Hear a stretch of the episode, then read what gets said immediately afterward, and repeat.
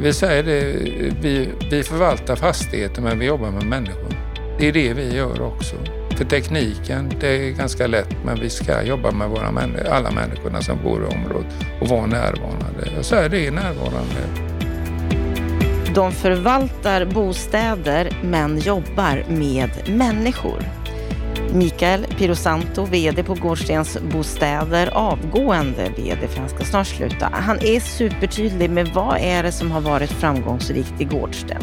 Vad är det som har gjort att de har gått från ett särskilt utsatt område till att snart vara helt bortskriven från polisens lista? Närvaro är en nyckel. Att jobba med människorna, att ständigt vara där. Varmt välkommen till Bopolpodden och till ett samtal som är extra angeläget i en tid när vi oroar oss än mer, när otryggheten bara ökar, när våldet ökar i vårt samhälle, när vi behöver komma till rätta med de utsatta områdena, med de särskilt utsatta områdena. Vi måste titta på vad är det Gårdsten har gjort framgångsrikt och vi måste också våga ifrågasätta varför är det ingen annan som lyckas på samma sätt. Jag heter Anna Bellman, mycket glad för att du lyssnar på Bopolpodden. Gå gärna in på bostadspolitik.se och förkovra dig mer i allt som rör bostads och fastighetsfrågor. Nu tycker jag att vi lyssnar in Mikael Pirosanto. Göteborg har ett modigt mål att eh, till 2025 så ska det inte finnas några särskilt utsatta områden. Och ett område som har strukits från listan senaste tiden, det är Gårdsten. Och nu ska vi prata om vad är det som har gjort Gårdsten så framgångsrikt. Varmt välkommen till Bopolpodden, Mikael Pirosanto. Tack ska du ha för det. Vad är din sinnesstämning idag? Ja, jag är väldigt glad idag, som vanligt. Jag har varit eh, på en härlig arbetsdag. Som vanligt glad? Alltid glad? Ja, det kan man väl säga. Jag tycker det är alltid lika roligt att gå till arbetet. Och det är ju en av framgångarna också, att man tycker att det är roligt att gå till sitt arbete. Och att se resultat, för det tänker jag att det får väl du göra rätt ofta? Ja, vi är ganska målinriktade och resultatinriktade i Gårdstensbostäder. För vi bygger ju ett samhälle. Och du, om vi ska börja med just det här med eh, polisens lista, där ni har gått från att vara ett särskilt utsatt område till ett riskområde och nu är så att säga bara ett utsatt område. Vad är det som har gjort att ni har gjort den här resan? Att, att bli bortskrivna så att säga från polisens lista? Eh, man måste ju tillbaka till historien då. Man bildade ju bolaget 97, 01, 01. Och eh, bolaget fick ett uppdrag av eh, Framtidskoncernen som är ägare till bolaget. De är ägare till alla de bostadsföretagen eh, allmännyttiga i Göteborg. Och då var Gårdsten ett bland Sveriges sämsta bostadsområden. I uppdraget som koncernstyrelsen beslutade 960613 stod det att bolaget ska vara etablerat i Gårdsten med samtliga medarbetare och med ledarna också i bolaget. Alltså, alltså är både vd och allihopa etablerade med sitt kontor i Gårdsten. Och det är ju en del att vara närvarande i sitt bostadsområde. Sen ska man ha korta beslutsvägar till sina kunder, då, hyresgästerna, och, eh, och ha ett medbestämmande i detta. Och det 98 bildades ju då en styrelse som består av eh, sju ledamöter varav sex är boende i Gårdsten som sitter då i ett aktiebolag. Eh, man har också engagerat nya medarbetare i bolaget. Vi byggde ett nytt kontor och vi anställde nytt folk också i bolaget. Och eh, man hade då ett ekonomiskt krav på bolaget samt en professionell förvaltning. Men närvaron i bolaget är det viktigaste. Och det är närvaro, närvaro som man säger. Och när du säger att ni var ett av Sveriges sämsta områden, kan du beskriva hur såg det ut? Hur var det då i Gårdsten? Eh, Gårdsten eh, var väldigt hög arbetslöshet i. Eh, av 2229 lägenheter så var det totalt 1998, för det steg då. Vi, när vi kom in hade vi 576 tomma lägenheter. Vi gick upp mot 823 tomma lägenheter. Vi tappade ungefär 40 miljoner om året. Och hade man inte legat då i en stark koncern som Framtidskoncernen är så hade det inte gått. bra kan jag säga ekonomiskt, utan man hade en stark uppbackning och, eh, på det. Och en av delarna är att vi börjar jobba med sysselsättning. Vi har en gårdstinsbyrå som eh, jobbar med arbetsmarknadsfrågor och hjälper folk ut i arbete. Och det är ungefär 4 000 arbetstillfällen till dagens datum. Eh, vi är väldigt närvarande i bolaget också.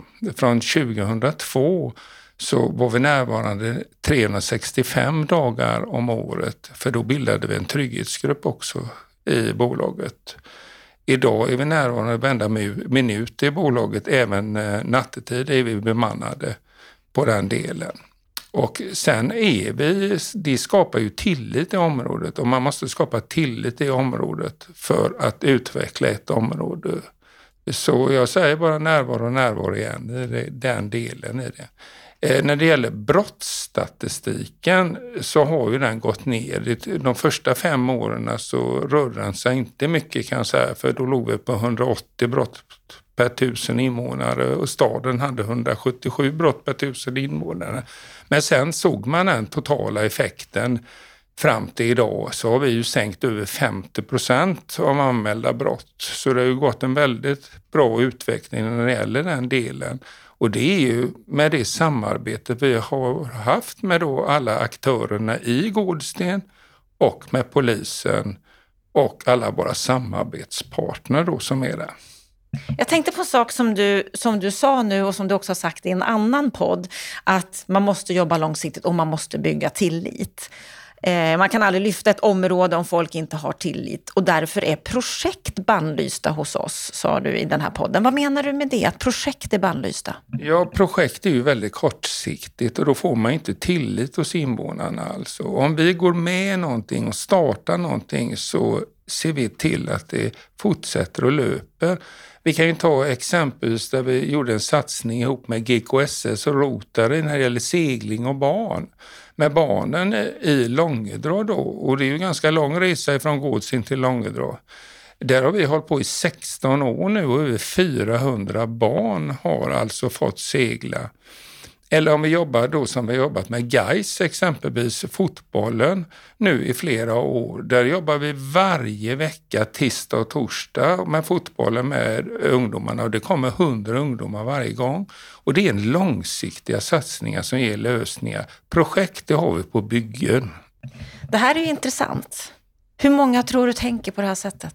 Ja, det är väldigt viktigt att tänka på det sättet och man måste ju se den långsiktigheten. När vi gick in så ska man inte glömma, man trodde att det skulle gå snabbare än vad man gjorde helt enkelt att lyfta godsten. Men eh, som man säger, det bör inte röra på sig fullt ut när det gäller brottsstatistiken förrän efter fem år i, i den hela och då måste man ha en långsiktighet och ha tålamod. Och vikten av det hela är ju då som man säger, det är att ha en stark ägare som eh, framtiden som kan backa upp oss då hela vägen. Vi, idag är vi ett väldigt lönsamt bolag alltså. Vi har ett eh, kassaflöde på 33 miljoner i bolaget. Vi har en soliditet på 44 procent och en justerad soliditet på 69 procent. Så det här är ju en väldigt lönsam affär egentligen om man gör det långsiktigt. Både. När vi gick in så hade vi eh, ungefär ett fastighetsvärde på 150 miljoner. Vi, eh, på det. Idag ligger det fastighetsvärde på 2,6 miljarder i Gårdsten. Det är en enorm utveckling. Ja, det är en enorm utveckling. Sen har vi ju jobbat väldigt mycket också med företagsutveckling. När vi kom in i Gårdsten så var det ungefär åtta företag etablerade. Idag ligger det runt en 50 företag etablerade. Och varför har man företag i Gårdsten? Jo, för det är vårt nätverk till att skapa arbete. Det är sällan företagen flyttar också, utan de utvecklar sig mer i Gårdsten. Vi har byggt om P-hus till företagscentrum. Vi håller på nu bygger ut vårt centrum också ännu mer för utveckling till företag. Så vi får in, fått in både vårdcentral och apotek. Det fanns inte i Gårdsten förut när vi kom över. Det var väldigt fattigt om man säger så när det gäller företagsutvecklingen. Centrumet var nästan tomt. Och en annan sak jag tänker som ni jobbar med det är ju hyresnivåerna. Att ni har relativt låga hyror. Hur tänker ni där? Eh, vi, Eftersom vi gick in då 97 i Gårdsten och vi hade med oss eh, 225 miljoner in i området och tittade i området och köpte fastigheterna för 75 miljoner på den tiden. Eh, så gäller det att hålla i pengarna.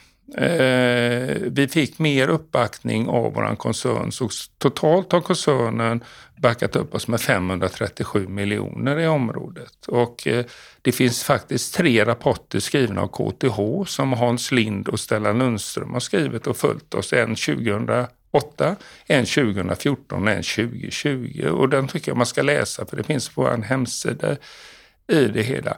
Men det gäller också att renovera på ett varsamt sätt. Det är också miljövänligt, det är väldigt viktigt. Och det lärde oss, vi oss väldigt mycket på Solus 1. Solus 1 var ett EU-projekt i sex, med sex företag i fem länder som också 2005 fick World Habitat Award alltså en underorganisation till FN och fick det priset då. Va?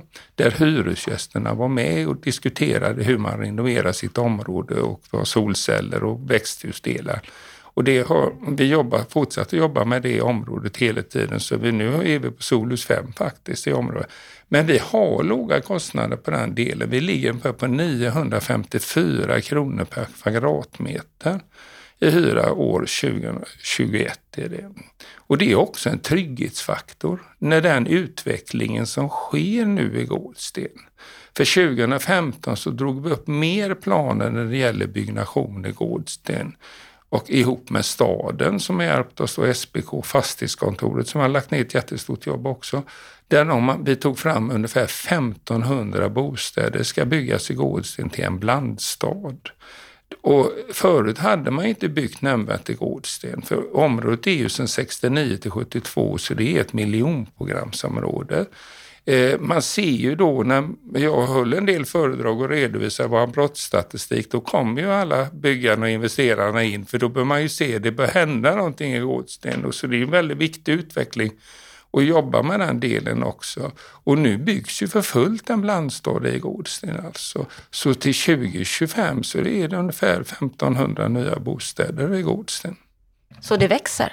Det växer för fullt. Vi planerar i slutet då på det, kanske 2025, 2026, att det är en 13 000 invånare i Gårdsten på det. Och då har ju det byggts både BRFer, väldigt mycket villor och väldigt mycket radhus, egna hem också. Man sa det förut att folk flyttar från Gårdsten. Ja, det fick de göra för att det fanns ju inga bostäder att flytta till villor eller radhus och nu flyttar de till dem istället. Vilket gör också att det är bra att kunna ha en bra hyra på våra hyresbostäder. Och det är en trygghetsfråga. Om barnen har vuxit upp i Gårdsten och fått nu jobb i Gårdsten kan de köpa sig en villa och föräldrarna bor kvar. Skulle vi renovera och höja hyrorna 25-30 procent så är det inte säkert att morföräldrarna kunde bo kvar. Och då blir det en otrygghetsfråga för de kan ju passa barnen exempelvis när de jobbar och i villan. Det låter så självklart när du berättar om det. Har det alltid varit det? Nej, det har inte alltid varit självfallet. I början när vi började med dessa delarna och byggde våra sol, solhus, då var det inte många som gjorde detta. Men nu är det en självklarhet att sätta, jobba med solfångare. gjorde vi på den tiden. Nu är det solceller som gäller, som vi jobbar på våra fastigheter och den ekologiska delen. Det har ju gjort också, det var en lärdom att vi har ju haft växthusgårdar. eh, där varje gård då har, på västra sidan har stora växthus kopplade på de fyra gårdarna. Och nu har vi tagit ett beslut att utveckla de resten av gårdarna på västra sidan av Gåsen, man säger, och det är sju gårdar till. Och det är en integrationsplats, säger jag, alltså, där alla möts i odlingen i dessa växthusen. Och det har ju fungerat över 22 år. Så det är en stor efterfrågan på detta idag. Ja, det är häftigt. En sak som jag också tänkte på att du sa här i början så har ni också boende som är medlemmar i styrelsen. Vanliga boenden, så att säga, vilket ju är ovanligt. Ja, det är ganska ovanligt. Vi är enda bolaget i Sverige som har detta och jag kan inte förstå varför inte mer boende sitter i, i allmännyttiga bolagsstyrelser, för det är ju de som är boendeexperterna. Och det är ju de som fattar det beslutet i vårt aktiebolag, hur vi ska utveckla bolaget egentligen, där vd får det i uppdrag. Så jag tycker det är en självfallenhet, för det är ju det som är inflytande, att ha boende i styrelsen. Samtidigt när vi tar in, har boende i styrelsen så får de en väldigt gedigen utbildning av att sitta i styrelse av Göteborgs stad som då kopplade till styrelseakademin. Och de går andra kurser som vi också hjälper till med, som är med och utvecklar och utbildar hela tiden. Vad var det som gjorde att ni tog det steget att ta in boenden i styrelsen? Ja, det var ett beslut från Framtidskoncernen och det beslutet stod redan i uppdraget i princip. Så ett år efter vi hade bildat så tog vi in eh, boende i styrelsen. Varför tror du inte att andra gör samma sak? Är man för rädd för att tappa kontrollen? Ja, det, man kan ju tänka sig att det är så i det, i det. I vanligt fall så är det ju politiska styrelser som sitter i det. Och vi är ju inte beroende vem som i ett val när man sitter eh, med boende i styrelsen. De byts ju inte ut. Utan de sitter ju där, en del kan ju sitta där i 10-12 år alltså och vara aktiva i våra delar. Och sen är de eh, boende som är med i styrelsen är ofta med när vi har bostadsmöten eller när vi har, eh, ska göra, bygga om en tvättstuga eller något och ha stora möten. Då kommer styrelsen också med där, för de är ju boende i områdena. Och ni har mycket möten vad jag förstår, mycket kommunikation med medlemmarna och de som bor? Absolut. Vi har kommunikation varje onsdagkväll försöker vi ha det, så vi jobbar till sju på onsdagskvällar och eh, så får personalen jobba till, alla medarbetarna jobba till halv ett på fredagar. Och då ska 50 procent, säger vi, av våra medarbetare vara ute på något sätt. Och det gäller ekonomiavdelningen också, eller uthyrningsavdelningen också. Så det är inte bara våra huschefer som är förvaltare som är ute och håller de mötena, men då får de stöd av oss andra. Så vi är väldigt aktiva, ett aktivt bolag. Aktiva med hög närvaro och som bygger tillit. Vad tror du det är som gör att det inte är fler som lyckas göra den här resan som ni har gjort? Vi har ju många utsatta områden, många särskilt utsatta områden i vårt land. Ja, vad jag tror, det, alltså man måste ju vara etablerad och det är bara att fatta ett beslut. Det är ju ett politiskt beslut som sitter i då de allmännyttiga bolagen att man ska ta och lyfta det och, på den delen. Och det har man ju gjort nu i Framtidskoncernen. Ett väldigt modigt beslut tycker jag som koncernen Framtiden har gjort med sina 11 miljarder som ska in och sättas i de andra särskilt utsatta områdena där då eh, 6,5 miljarder är till byggnation i området för de boende och 3,5 miljarder är på driften i området. Så man satsar stort här i Göteborg nu. Så det går framåt. Och vi har en väldigt duktig koncernchef som heter Terry Johansson som är driven på detta. För säga. Men jag skulle vilja säga en av nycklarna till är också att vi pratar ju 24 språk i organisationen. Så mina medarbetare kommer från hela världen alltså. Och det är också en del att spegla då när man har 82 etniska grupper i Gårdsten. Alltså. Och många av mina medarbetare kan prata både tre och fem språk alltså. Och det gör också väldigt mycket att man får ut sitt budskap i den delen och kan samarbeta över detta. Så eh, några tolkar behöver vi inte, det har vi i vår egen organisation. Du säger det med ett stort leende. Ja, ja då. Det jag tänker på också är ju att, att eh, ni, som du berättar, ni bygger mycket nytt. Hur viktigt är det med, med blandade bostadsupplåtelser, boendeformer? Det är väldigt viktigt egentligen. Man tittar då, alla som kommer från medelhavskulturen, så är det ju en väldigt vanlig boendeform att man har en villa eller ett radhus i den boendeformen. Och det är väldigt viktigt då att man bygger stora bostäder och inte för små. För när vi, vi, hade, vi är tio byggare som är inne nu i Gårdsten och bygger alltså. Och en av byggarna byggde lägenheter som var 108 kvadrat och han sa det, hade jag vetat eh, att eh, jag trodde jag skulle sälja huset till en familj, men att eh, jag visste inte att det var en hel generation som kom. Och det är ju oftast så i medelhavskultur att man kanske har med sig sin mamma in också i huset som bor där, eller sin kusin som bor där. Va? Och då bör man ligga uppe i högre tal än 126 kvadrat som eh, egna hemsbolaget nu har byggt väldigt många av storlekar. Eller Riksbyggen som har varit där också byggt runt 150 kvadrat. De gick väldigt fort de villorna kan jag säga. Man har ju också varit väldigt duktig av alla byggarna att ha eh, låga priser när man eh, bygger i området också. Det är också en del av folk har råd att köpa detta. På det. Sen har ju då de statliga bidragen för våra hyresrätter varit väldigt viktiga och fått det stödet helt enkelt för dem.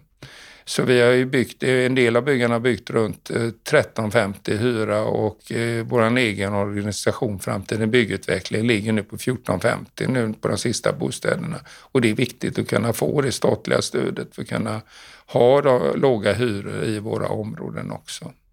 En positiv sak som man har sett nu det är ju det att eh, Eh, även ungdomarna kan vara svårt på höst och vår att få tag i som extraarbetare hos oss. Och det betyder ju det egentligen när vi tittar på det att många av dem har fått arbeten eller sitter på högskolorna idag. Så det går väldigt bra för Gårdsten egentligen. Och det var målet när vi gick in 97 i Gårdsten. Jag glömmer aldrig när koncernen sa när det sviktade i de andra områdena då ska det vara fullt ut i Gårdsten och det sa vår koncernchef då Kurt Eliasson som faktiskt var besökt oss igår.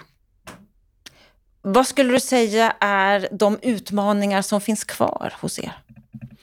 Ja, eh, det är utmaningar som är kvar som man ser det, det är att vi nu får en ny skola. Man har ju rivit den skola man har. Eh, och ska bygga en nästa år. Man ska bygga en skola från F till 6 ska man göra för 630 elever. Jag skulle gärna vilja ha ett 7, 8, 8 och 9 också.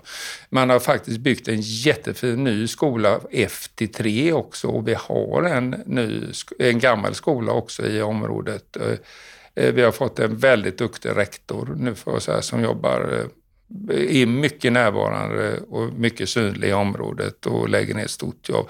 Så jag tror att skolan ska vi satsa extra mycket på för att eh, stoppa kriminaliteten. Skolan är viktig. Den är avgörande för våra områden, skolorna. Och då är du inne på det här viktiga med, med samverkan med olika typer av aktörer och olika typer av verksamheter.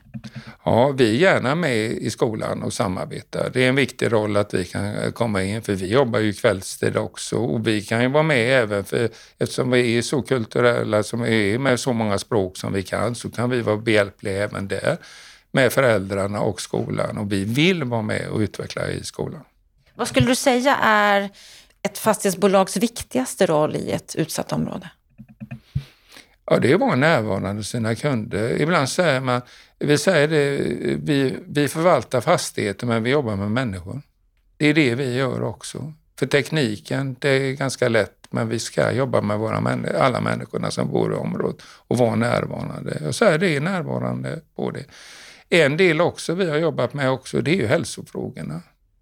Vilket är också viktigt. Det skiljer då när vi började titta på detta med seglingen i Långedra. Nio års livslängdsskillnad mellan Gårdsten och Långedra och det är ju inte acceptabelt att ha så stor livslängdsskillnad. Så vi har faktiskt anställt och jobbat i många år med, eh, har vi en folkhälsovetare och vi har ett stort gym och vi jobbar mycket med eh, föreningarna och få dit folk till eh, då Sumban, gymmet och hälsoträningen och ute. Och det även staden har byggt eh, gym på utsidan och tennisbanor med mera. Så Gårdsten utvecklas även men kommer byggas en ny fotbollsplan också. Men hälsofrågorna är viktiga. Och vad betyder det att ni jobbar med det? Vad har det gett för effekter? Ja, det är viktigt för oss för vi har ju boende som sitter ensamma i området som är kanske både sjukskrivna och bor ensamma och då säger jag, ja, vi vill ju dit de människorna och vara med i träningen och det har ju blivit så stort så det är nästan trångt ibland så här på träningarna. Eh, det gör ju också att vi har ingen större omflyttning i, eh, i Gårdsten idag. Vi ligger kanske runt 9-10 procent endast också. Och det är positiv omflyttning om man tittar på det. För att många får ju flytta till de nya bostäderna också så man får en rörelse. Det är bra att ha lite rörelse emellan så även ungdomarna kan få lägenheter där billiga. Så om vi ska lära oss det viktigaste ifrån det ni har jobbat med nu under 25 års tid. Du har ju varit med ända sedan, starten. Går det för andra områden, skulle du säga, att, att kopiera ert recept, det ni har gjort? Ja, det går väl att kopiera en del av det. Man, säger, man får ta de bästa godbitarna. Det går, måste vara ett likadant område om man tittar på det, men man kan ta de delarna och kopiera. Ja. Det gör det. Många av bitarna gör det. Och vi har skrivit väldigt många rapporter så man kan ju hämta det på vår hemsida också i det. Och det är ju det egentligen som koncernen gör nu, använder Gårdstensmodellen. Vad skulle du vilja ge för tips till andra utsatta områden? Vad är det de behöver göra för att komma bort från den här listan? Ja, för det första är det en ledarskapsfråga. Man måste ha starka ledare som är närvarande i områdena. Som jag vill jobba med de här delarna. Det är det enda. Och det kan vi göra allihopa om vi vill. Och sen måste hela samhället vara med i det hela. Det är inte bara bostadsföretagets del, det är inte bara polisens sak att jobba med de här delarna, och bygga ett bra samhälle. Det är skola, det är fotbollsföreningar, det är allihopa. Man måste ge dem möjlighet att göra det och samarbeta. Väldigt viktigt samarbeta. Ser du något eh, som du ser att andra gör, gör fel när det gäller att jobba med de utsatta områdena? Jag kan inte svara på det om vad andra gör egentligen, för jag har lagt min koncentrering och var i Gårdsten. Eh, det är det som har varit mitt fokus hela tiden, inte resa runt. Jag har varit runt och tittat på det Malmö och Stockholm. Det är alltid lärorikt att titta vad andra gör, även i Halmstad som också är duktiga eh, på det. Men vi har lagt vårt fokus och vara hemma och jobba. Vi säger alltid att vi är hemma och jobbar på berget där Gårdsten ligger 100 meter över havet. Det ger bäst resultat för våra boende. Och det ger också det välmående bolaget vi har idag om man tittar på det. Ni växer, ni gör mycket, ni fortsätter att skapa aktivitet, jobbar med, med hälsa och så vidare. Ni har mycket samarbeten mellan olika aktörer. Finns det någonting du skulle vilja se mer från politiskt håll? Ja, politiken har ju kommit nu. Alltså de sista åren har man varit väldigt närvarande när det är val. Eh, innan var man inte det Gårdsten så tydligt som man är nu. Så eh, även stadsdelen då på den eh, tiden skapade ju ungdomsambassadörer som var ute och eh, eh, missionerade om valet och det gjorde väldigt att vi fick upp valresultatet. Och man har förröstningslokaler så man har ju ändrat det så det går, så denna valet ska bli ganska intressant att se för det ökar ju hela tiden. Man kan vi har ju delat in Gåsten i östra, västra och norra Gåsten och norra Gåsten var sämst i Sverige när det gäller att rösta. Så vi följer detta väldigt noga och det har ökat bra i Gårdsten tack vare det. Spännande utveckling. Absolut. Nu ska du snart lämna din post som VD för Gårdstens bostäder. Vad är du mest stolt över när du tittar tillbaka på de här 25 åren? Ja, jag ska ju lämna nu eh, den 7 juli för då är jag 67 år. Jag satt lite över tiden här men eh, Alltså, när jag kom in 97, och jag måste säga det, jag var inte VD när jag kom in 97, utan det var Stina Fransson som fick uppdraget att vara en konsumentchef i Göteborg och det var ju hon som anställde mig för att ta hand om förvaltningen och byggnationen i Gårdsten. Och när vi såg Gårdsten då och det jag ser idag så är det en stor förändring. Det trodde jag ju inte när vi satte oss ner där 97, det kan jag ju säga med en gång. Och jag är väldigt stolt över den utvecklingen som är. Och jag är väldigt glad när man är ute och går. Jag är ute och går väldigt mycket i området och pratar med alla hyresgästerna. För har man det tråkigt på kontoret någon dag, som jag säger, när man sitter inne med adressat, då ska man gå ut och gå och prata med de som är på utsidan. Och det är en glädje faktiskt. Man, det är på något sätt allt, alla hälsar och pratar med varandra. Och det är ju det så det ska vara i ett samhälle också. Och den, att det spirar så nu i vårt centrum och att butiker, ICA har flyttat in där med mera, vårdcentraler, apoteken och allihopa. Och det är en mötesplats där alla träffas. Eh, eh, Nej, och, och sen är jag väldigt glad att alla ungdomar får jobb. Och vi måste satsa på ungdomar. Det är det viktigaste vi har nu. Alltså. Därför säger jag skola, skola, skola. Så jag, jag ska åka upp och titta nästa år då när jag är pensionär, när de bygger skolan här. Och då kan du ju vara ute och promenera hur mycket du vill, även när du inte är på kontoret, tänker jag. Absolut, absolut. Jag kommer följa det. Det är med ett leende du lämnar? Absolut, det gör jag. Jag säger det alltid för att vår dåvarande VD Stina som startade med mig 97 då, hon ringer hela tiden och kollar hur Gårdsten mår. Och det. Så det, vi är nog likadana båda två. Vi kommer nog inte släppa detta. Engagemanget kommer alltid finnas kvar. Absolut. Stort tack Mikael för att du berättade om detta i Bopolpodden. Tack ska du ha att jag fick göra det. Och lycka till för alla andra som ska ta tag i sina områden. Tack.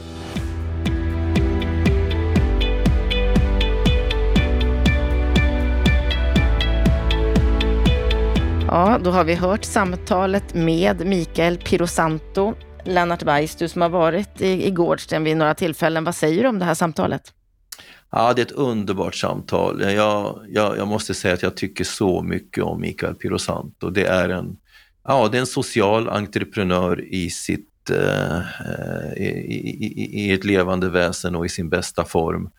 Eh, dessutom har jag fått äran att kommentera Tapio Salonens utmärkta bok Gårdstensexemplet eh, här i Bopolpodden som jag också tycker är ett lyssningsvärt samtal för Tapio beskriver utifrån vetenskaplig forskning då det här fantastiska eh, exemplets kraft och nycklarna till att man har lyckats. Men jag tycker att Mikael gör det själv på ett fantastiskt sätt och jag tycker att du faciliterar det här samtalet på ett sätt som gör att alla eh, enastående aspekter utav Gårdsten kommer fram. Jag är ju själv en, en entusiastisk ambassadör för Gårdsten, det måste jag säga. Han lyfter ju fram många olika exempel och nycklar till varför de har lyckats i Gårdsten att gå från ett särskilt utsatt område till att nu vara ett utsatt område, den lägsta nivån innan man helt blir borttagen från polisens lista. Vad skulle du säga är den främsta framgångsfaktorn till att Gårdsten har lyckats så bra? Det finns en faktor som han inte gör särskilt stor sak av och det beror väl på eh, en ödmjuk läggning. Eh, och, och den nyckeln är ju ett ödmjukt, hängivet, långsiktigt tänkande management.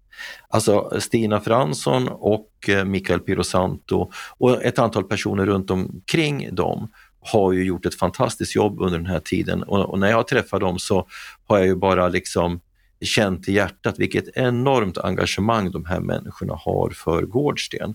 Och det har väldigt stark koppling till de här nyckelorden han talar om, nämligen närvaro, närvaro, närvaro, som i sin förlängning skapar tillit. Men med närvaro så har du också kopplingen till samverkan med andra lokala aktörer. Det blir väldigt tydligt när man går runt i Gårdsten att den här, den här äh, kontakten de har med polisen, det lokala föreningslivet, med invandrarorganisationerna, med företagen i Gårdsten det är verkligen på allvar. Idrottsföreningarna, alltså jag har ju själv både sett och hört och lyssnat på företrädare för GAIS, eh, Seglarsällskapet och så vidare. Och det är verkligen på allvar alltihopa. Så att det, det här hängivna arbetet men också insikten om att en sån här samhällsförändring som ju Gårdsten är ett exempel på, det bygger på väldigt många nycklar och en samverkan mellan olika aspekter och det förutsätter ett, ett 24 timmars tänkande. Du måste ha närvaro dygnet runt. Så alla de här aspekterna som han nämner som vi bara kan liksom eh, upprepa i nyckelord, trygghetsgruppen, Gårdstensbyrån som skapar jobb, det brottsförebyggande eh, arbetet, eh, föreningssamverkan, sättet att jobba med renoveringar, sättet att jobba med eh, de boende i styrelsen, att bygga stolthet, skolan, alltså det, och det finns fler aspekter på det här. Va? Ja, eh, miljösatsningarna, eh, att skapa den här sociala samlingspunkten i form av växthusgårdarna, att ha, ha 24 språk representerade i, i sin egen personalgrupp. Alla de här aspekterna tillsammans skapar ju liksom kraften i det som är Gårdstensbostäder. Och sen naturligtvis att man har haft en, en dedikerad ägare. Det kommer kanske då möjligen inte fram i, i, i, bak, i samtalet här, men här finns ju fantastiska berättelser om hur Göran Johansson beskyddade rena brott mot kommunallagen. Som när det saknades butik så skapar man en egen busslinje in till stan och, och, och, driver den så att människorna kan faktiskt kan få sina behov av livsmedel, inköp av livsmedel tillgodosedda och hur man sen själva sponsrar en, en butik innan eh, ICA återetablerar sig. Så man har ju liksom verkligen vågat gå på tvärs mot, mot konventionella lösningar. Hade man haft någon, ursäkta, någon jävla bolagsjurist som hade hängt på, på axeln där va?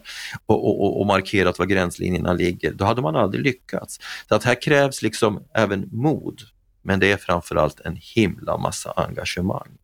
Och eh, det är ju det man ska lära utav Gårdsten, att det här är en, eh, ett, en, en, typ av socialt medlevarskap som kräver totalt engagemang och långsiktighet. Och som du nämnde här så har de ju boende i styrelsen, vilket är unikt för Gårdstensbostäder. Av åtta ordinarie styrelseledamöter så är sex hyresgäster. Är det här någonting som kan vara en framgångssaga för fler bolag att ta efter? Ja, det är jag helt övertygad om. Jag är helt övertygad om det därför att om man vill skapa ett lokalt engagemang eh, för, för sitt bolag, då måste man ju skapa en vi-känsla. Och jag tror att det är väldigt mycket viktigare att bygga den på eh, en typ av självförvaltningstänkande snarare än på, på, att odla partsrollen. Alltså där är jag ju då lite kritisk mot Hyresgästföreningen som ju själva varit kritiska till Gårdstensmodellen och, och driver sitt eget hyresgästinflytande som bygger på en partsrelation. Jag tror att det är mycket, mycket viktigare att bolaget ser sig som ägarnas, det vill säga hyresgästernas förlängda arm och manifestera det genom att hyresgästerna är representerade i styrelsen. Och har man sex utav åtta styrelseplatser, då har ju i praktiken hyresgästerna inom bolagsordningens och styrelse, styrelseinstruktionens ram så har man ju faktiskt det styrande inflytandet. Och det skapar ju ett oerhört förtroende mellan bolagsledning och hyresgäster. Det är ju en framgångssaga det här. De har ju hållit på sedan 97, 25 år och har ju verkligen lyckats på många sätt. Och det är ju många som besöker Gårdsten och gör studiebesök för att se vad är det de gör där egentligen. Men varför händer det då inte så mycket i andra områden? Ja men det är ju en väldigt, väldigt motiverad fråga eh, och jag har ställt den själv. För jag vet att studiebesöken avlöser varandra. Eh, och jag har också ställt kontrollfrågor i vissa sammanhang till kommunala bolag och då har de sagt eh, att ja, men vi, vi jobbar ungefär som Gårdsten, vi har trygghetsvärdar. Eh, eller någon annan säger att vi jobbar med varsamma renoveringar och någon tredje, vi jobbar lokal, med det lokala föreningslivet eller vi tar in ungdomar som sommarjobbar. Men jag hittar ingen, hur jag än söker med ljus och lykta i det här landet, som jobbar eh, så dedikerat och långsiktigt och som med, med, med en satsning som stämmer över, eh, spänner över alla Eh, aspekter utav eh, eh, de verktyg som, som Gårdsten tillämpar. Jag ser det ingenstans. Och, och, det tycker jag är väldigt trist att konstatera. Jag menar Stockholm har enstaka exempel som är lovvärda och som man definitivt inte ska förakta. Till exempel satsningen man gjorde i Hökarängen på att liksom lyfta området. Man gjorde Eh, strategiska samhällsinvesteringar och de kommunala bolagen gör också hedervärda insatser ute på Järvafältet. Men det är ingen som jobbar eh, med den här typen av helhetssyn. Och jag menar, I Stockholm har du fem kommunala bolag, var och en kör sitt eget race. Det är väldigt lite av samverkan mellan dem. Så att den här invändningen jag hör ibland, att Gårdsten går inte att applicera därför att Gårdsten är unikt i, att de äger alla fastigheter. Ja, men det beror ju delvis på att de kommunala bolagen inte vill samverka eller inte förstått vikten av att samverka med andra fastighetsägare. Så att jag skulle säga att Gårdsten är ett fantastiskt exempel på vilken kraft som allmännyttan kan ha om de, ser, om de tar på sig ledartröjan i det lokala eh, i det, i, i det lokalsamhälle de verkar och skapar en gemensam målbild och sen gå före med den här typen av exempel som Goldstein presenterar. Jag säger det igen, Gårdstensbyrån för jobb, trygghetsgrupperna, samverkan med föreningslivet, varsamma renoveringar. De kan verkligen utgöra en spjutspets om de vill, men tyvärr gör de det i väldigt liten utsträckning. Men, finns det annat... men är det det att man inte vill? Är det en, är det en bristande vilja det handlar om? Ja, jag tror att det är ett bristande engagemang från bolagsledningarna. Men jag hoppas att Göteborg kan bli ett spännande föregångsexempel här därför att jag tror precis som Pirosanto att Terje Gunnarsson, VD alltså för, för eh, framtidsbolaget i Göteborg, där alla som alltså är koncernbolag för de kommunala bolagen, har förstått nycklarna till Gårdsten. När jag pratar med Terje så får jag eh, väldigt starkt den bilden. Och, och, och Terje har ju lyckats få politiken i Göteborg att avdela just de 11 miljarder i en satsning. 6 miljarder på fysiska ombyggnader, 5 miljarder på drift, det vill säga till den här typen av arbete. Och lyckas de med det, om Göteborg blir ett storskaligt exempel på den här typen av samhällsförändring och dessutom lyckas knyta samarbete med en annan företeelse som är ganska stark i Göteborg, nämligen BID, Business Improvement District, där de privata fastighetsägarna också är med på mikronivå för att få till stånd eh, en, en samverkan eh, jag menar, då kan Göteborg bli ett, inte bara ett nationellt utan också ett internationellt föregångsexempel. Så att det bubblar i grytan i Göteborg just nu. Jag ser ingen annat eh, ingen annan del av Sverige där, där det pågår en så spännande mobilisering i den här riktningen. Dessutom råkar de ha förmodligen Sveriges bästa polis i Göteborg. De har ett fruktansvärt duktigt polisväsende som jobbar eh, underrättelseorienterat, förebyggande och i samverkan med civilsamhället. Så att om Göteborg får ihop det här de närmaste åren, huvudligen, då kan det bli jättespännande. Men jag skulle säga att eh, i ett sådant arbete så är Gårdstensbostäder fortfarande tror jag, ankaret och den verkliga förebilden. Jag vet inte vem som kommer efter Piro Santos som VD, men jag hoppas verkligen att man har hittat en person med samma långsiktiga synsätt och som förstår att ta hjälp av både Piro Santos och Stina Fransson framåt. För Gårdsten är ett, är ett lysande exempel som för hela Sveriges sociala arbete i, i, i eh, socialt utsatta område är en, en lysande ledstjärna som, som måste fortsätta att lysa. Ja, spännande att följa det som händer i Göteborg. Spännande att höra vad Gårdsten har gjort helt rätt. Stort tack Lennart för den kommentaren. Stort tack till dig som eh, lyssnar på oss på Bopolpodden. På fredag då är vi tillbaka igen. Då summerar vi det viktigaste som har hänt inom bostadspolitiken under veckan. Så jag hoppas att du lyssnar in då. Fram till dess så önskar vi dig en riktigt strålande vecka.